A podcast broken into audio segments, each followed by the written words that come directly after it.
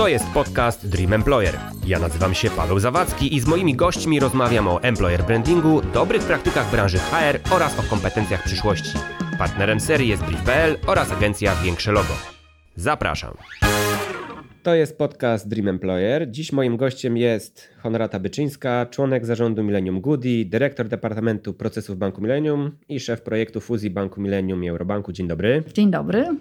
Bardzo modne są rozmowy o przyszłości, o employer brandingu, o rynku pracodawcy i pracownika, więc takie pytanie otwierające: kim jest idealny pracownik przyszłości? Bardzo dobre pytanie. E, mamy takie czasy, w których łączymy też e, różne pokolenia, e, które nam się też mieszają i, i razem ze sobą współpracują. Mhm. Pokolenie X, Y czy Z na pewno bardzo się różnią między sobą i też nowe pokolenie Y czy pokolenie Z musi nabywać zupełnie inne kompetencje niż te, które miał pracownik kiedyś, mhm. pokolenia X. X. Na pewno te umiejętności y, przyszłości to są umiejętności też twarde, czyli umiejętności i kompetencje techniczne radzenia sobie z um, tworzeniem e, cyfrowych różnych rozwiązań, mhm. rozwijania tych cyfrowych rozwiązań, e, czy też stosowania tych cyfrowych rozwiązań. Ale nie możemy zapominać też o umiejętnościach miękkich mhm. i one będą naprawdę bardzo istotne.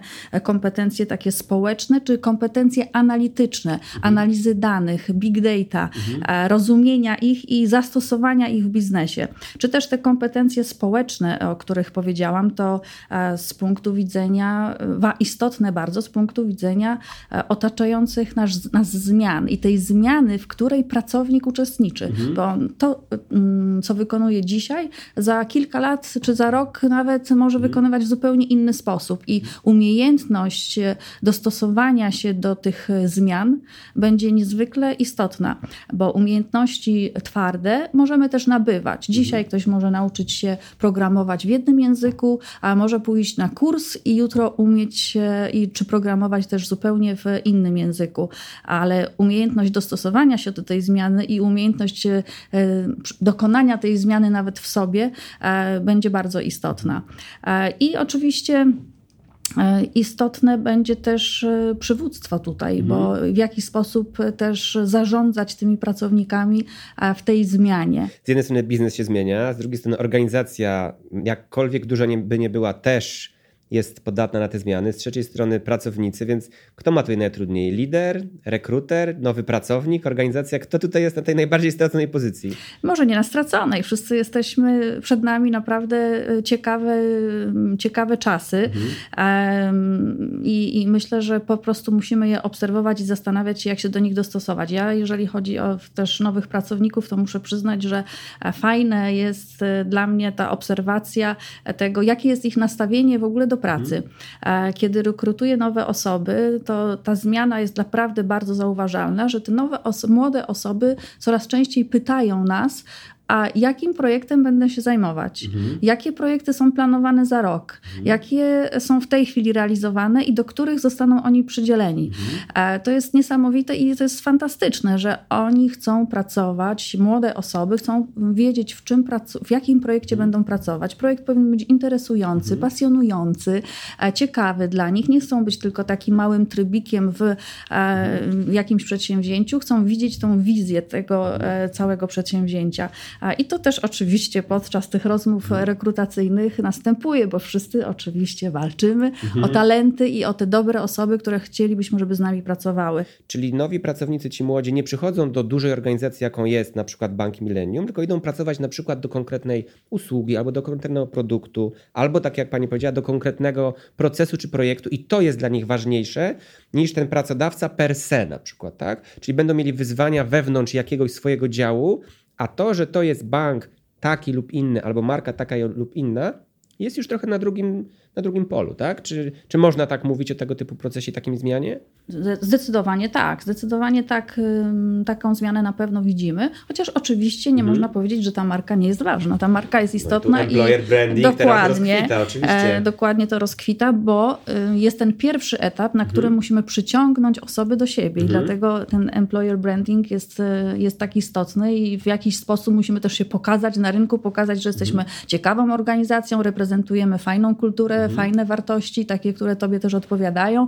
Dlatego przyjdź do nas. Mhm. A później jest ten drugi etap mhm. w procesie rekrutacji, o którym powiedziałam, gdzie pracownicy naprawdę chcą wiedzieć, przy mhm. czym będą pracować i czym będą się zajmować. To już nie jest e, na takim etapie, że powiemy, będziesz stażystą w takiej mhm. organizacji. Mhm. Pracownik chce wiedzieć, co będzie robił. Mhm. No i, i, i oczywiście później istotne jest, w jaki sposób tym zarządzamy, bo e, młodzi pracownicy chcą się rozwijać, więc ich rozwijamy, dajemy im szkolenia, robimy warsztaty, mhm. uczymy, dzielimy się wiedzą, więc młodzi, młode osoby chcą wiedzieć, że podczas swojej, mm, swojego, swojej historii w tej e, organizacji będą się rozwijać i będą za chwilę już zupełnie inną osobą. No a naszym zadaniem jest tak ich rozwijać, żeby rzeczywiście nawet mogły pójść gdzieś dalej, ale żeby one nie chciały pójść gdzie indziej, mhm. do innej marki, tylko żeby rzeczywiście zostały przy nas. Tak ich traktować i tak, mhm.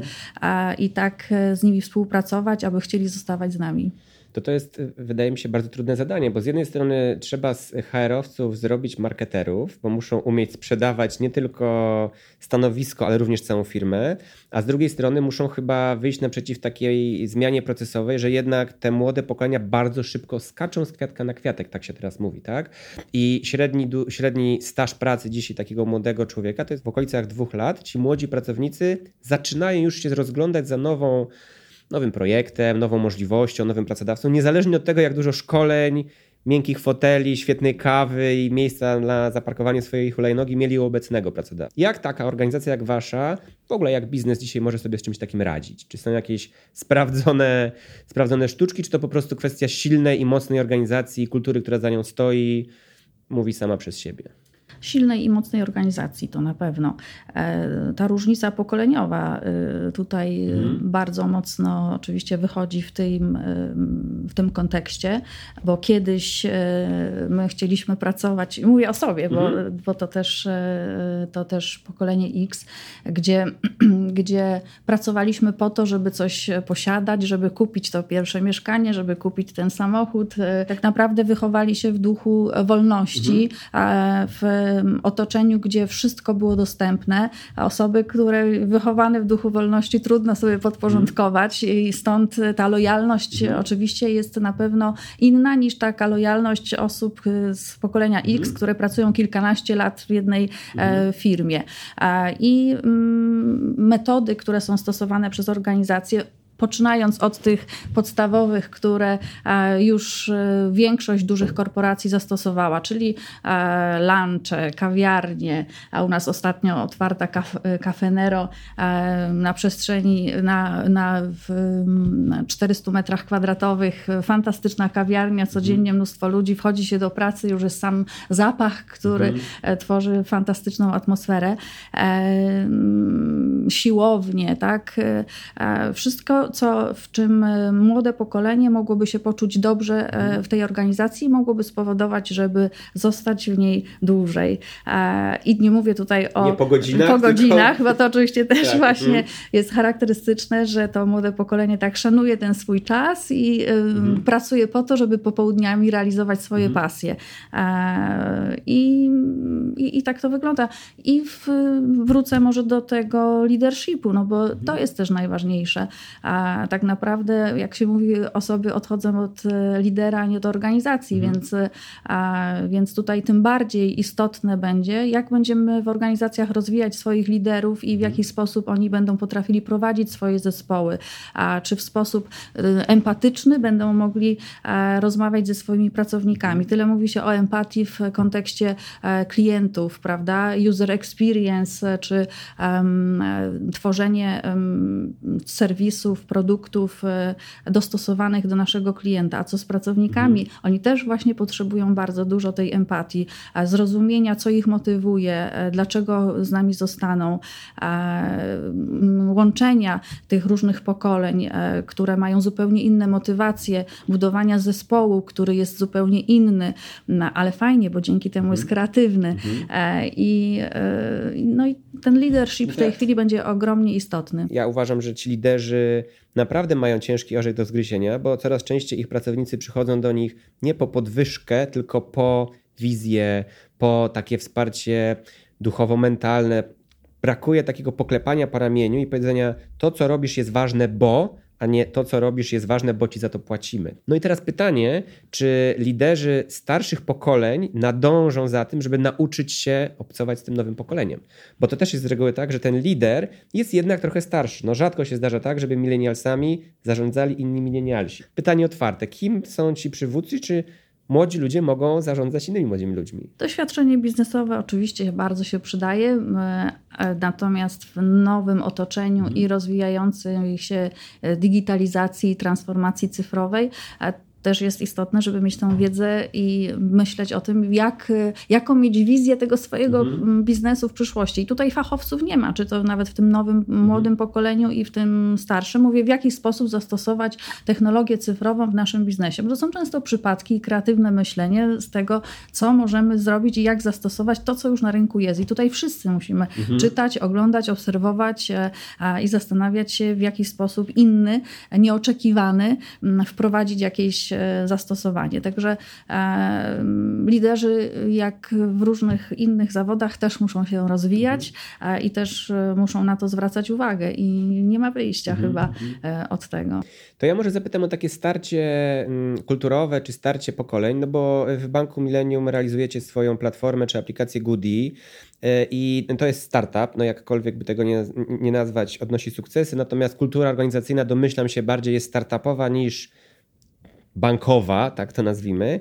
Jak łączycie te dwie kultury organizacji, czyli takiej dużej, dobrze osadzonej na rynku korporacji, z nowym startupem, który jednak musi działać trochę inaczej, zwinniej, bardziej kreatywnie, pod jednym parasolem? Rzeczywiście od samego początku e, Goody e, wystartowało już zupełnie w innych strukturach. Był to mhm. wydzielony zupełnie projekt, grupa osób, która pracowała w oddzielnym, wydzielonym pomieszczeniu, mhm. gdzie e, właściwie całymi dniami siedzieliśmy i warsztatowaliśmy mhm. różne rozwiązania. Uczestniczyły w tym osoby zarówno młode, jak i te bardzo doświadczone, które wiedziały, jak prowadzić biznes. Więc mieszane tutaj były wymieszane osoby. E, projekt e, prowadzony bardziej agile'owo, skramowo, zwinnie, tak. zwinnie tak. i obserwując to, czy to, co już wytworzyliśmy i zrobiliśmy, działa, nie działa, czy użytkownicy to lubią, a na bieżąco to było też poprawiane, więc na pewno zupełnie inaczej niż w tradycyjnym banku, chociaż inaczej w, też nie mogę tak powiedzieć, bo mhm. dzisiaj coraz więcej projektów jest y, tak naprawdę prowadzonych podobnie jak Goody. Też tak skramowo, agile'owo, y, mhm. stopniowo. Nie wszystkie oczywiście, ale Goody takie było wyjątkowe i naprawdę fantastyczny projekt, kreatywny, z dużą ilością warsztatów, y, serwis design, który tam towarzyszył nam cały czas, rozrysowane procesy na mhm. ścianach, na karteczkach, e, a potem przełożone na realną aplikację. Jakie było największe wyzwanie na dowolnym etapie, czy tworzenia, czy wypuszczenia na rynek, czy marketingu takiej aplikacji? Na każdym etapie, myślę, i, i cały czas to, co mhm. mamy z tyłu głowy, to jest jak, jak dana funkcjonalność ma być stworzona, aby e, przyciągnąć i e, użytkownika, mhm. żeby on chciał z niej korzystać. Czy mhm. ona będzie e, czymś, co, czym jest użytkownik zainteresowany, mhm. do czego będzie chciał wracać. I dla, dla, dla funkcjonalność, dla której pobierze tą aplikację. Mhm. No więc to jest zawsze największe mhm. wyzwanie, bo samo wytworzenie aplikacji oczywiście jest trudne, jest ciężkie, to jest wiele godzin pracy, nocy nieprzespanych, mhm. zanim uruchomi się taką aplikację, a potem oczekiwanie na użytkownika i ci, którzy tworzą startupy wiedzą, e, ile to wymaga wysiłku, mhm. żeby ten startup zadziałał. No dzisiaj już mamy ponad milion i, e, i można powiedzieć, że udowodniliśmy, że mhm. jednak aplikacja jest e, taka, jaką użytkownik by oczekiwał, co nie oznacza, że spoczywamy na laurach, cały czas coś mhm. nad czymś pracujemy, zmieniamy, dostosowujemy, staramy się, żeby była jeszcze bardziej zwinna, sprawna, łatwiejsza w obsłudze i mam nadzieję, że użytkownicy to doceniają.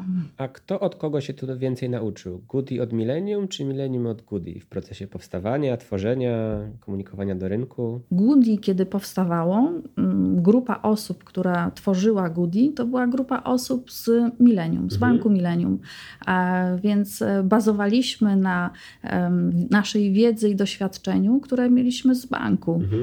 E, nie było w naszej grupie osób, które pochodziły z jakichś startupów, mhm więc sami okay. też się uczyliśmy, e, jak to, jak to hmm. jest pracować e, w startupie.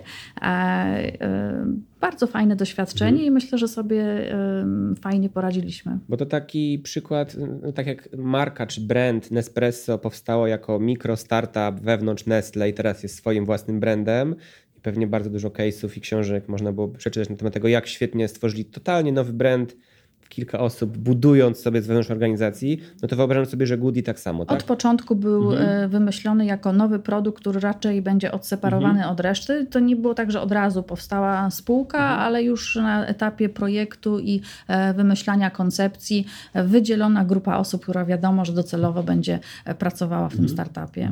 E, ja chciałem zapytać trochę o tą fuzję, bo przed rozmową sobie tutaj, tą nagrywającą się rozmową, rozmawialiśmy chwilę o tym, że dość trudno jest łączyć w ogóle kultury różnych organizacji. Teraz sobie rozmawialiśmy o Goody, czyli startupie i Millennium, czyli organizacji takiej dość mocno ugruntowanej. No a tu mamy Bank Millennium i Eurobank. Teoretycznie ta sama branża, powinna być dość podobna kultura organizacji, no ale jednak domyślam, że pewne, pewne wyzwania przed Wami jeszcze stoją. Co trudnego, czy co ciekawego obserwujecie Jaka organizacja, czy Pani jako lider tej organizacji i tej zmiany w tym połączeniu? Co tutaj jest ciekawe, na co warto zwrócić uwagę, albo o czym warto powiedzieć? Na pewno um, ogromne przedsięwzięcie, bo w całym tym przedsięwzięciu um, w projekcie integracji uczestniczy około tysiąca osób mhm. z um, obu banków e, oraz z firm zewnętrznych, mhm. więc, e, więc samo przedsięwzięcie, jeżeli chodzi o ilość zaangażowanych osób, jest ogromne. E, uczestniczą osoby z, jak sobie można wyobrazić, z różnymi kompetencjami, z różnych działów e, i przede wszystkim, co jest oczywiście tą trudnością, e, z dwóch miast, mhm. bo jest to i Warszawa, i Wrocław. I muszę przyznać, że pracuje nam się fantastycznie, bo w dzisiejszych czasach, kiedy właśnie ta cyfryzacja jest tak mhm. dostępna, mnóstwo spotkań, spotkań odbywa się z użyciem wideo, telekonferencji, telekonferencji, no ale mamy oczywiście mnóstwo e, wyjazdów, warsztatów, czy to we Wrocławiu, czy to w Warszawie. E, I na pewno to jest pewnie logistyka tutaj jest pewnym mm, wyzwaniem, e, ale nie przeszkadza nam to w tym, że fuzja naprawdę dzieje się w mhm. całkiem dobrym tempie, mhm. bo w tej chwili chwili pracujemy już 10 miesięcy, mówię już, ale z drugiej strony myślę, że będzie to jedna z najszybciej przeprowadzonych mhm. fuzji w Polsce. W listopadzie planujemy ostateczną migrację. Mhm. Moje pytanie, jak pracownicy Eurobanku, którzy przez wiele lat byli pracownikami Eurobanku, nagle stają się pracownikami Banku Millennium?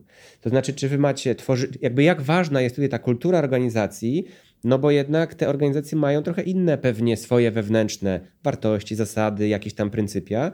I teraz nagle taki pracownik z jed... spod jednego parasola ląduje pod drugim parasolem. Jak ważna tutaj jest rola i jednej, i drugiej organizacji, tych liderów, jak przeprowadzenie tej zmiany ma się dla takiego pracownika, który no nie jest decyzyjny, a z drugiej strony przechodzi z jednej organizacji do drugiej, tak? Jakie działania przy czy podczas fuzji prowadzicie, żeby łączyć te dwie różne kultury organizacyjne, Banku Millennium i Eurobank? Myślę, że najważniejsze są te działania, które łączą ludzi. Mhm. I na to bardzo stawiamy. I już w czasie tego projektu integracji e, powołaliśmy fajną inicjatywę Together to the Moon, mhm. gdzie zaprosiliśmy pracowników Eurobanku i Banku Millennium. Zresztą dodam, że to jest inicjatywa, która wcześniej już w Eurobanku była realizowana mhm. i dotyczy ona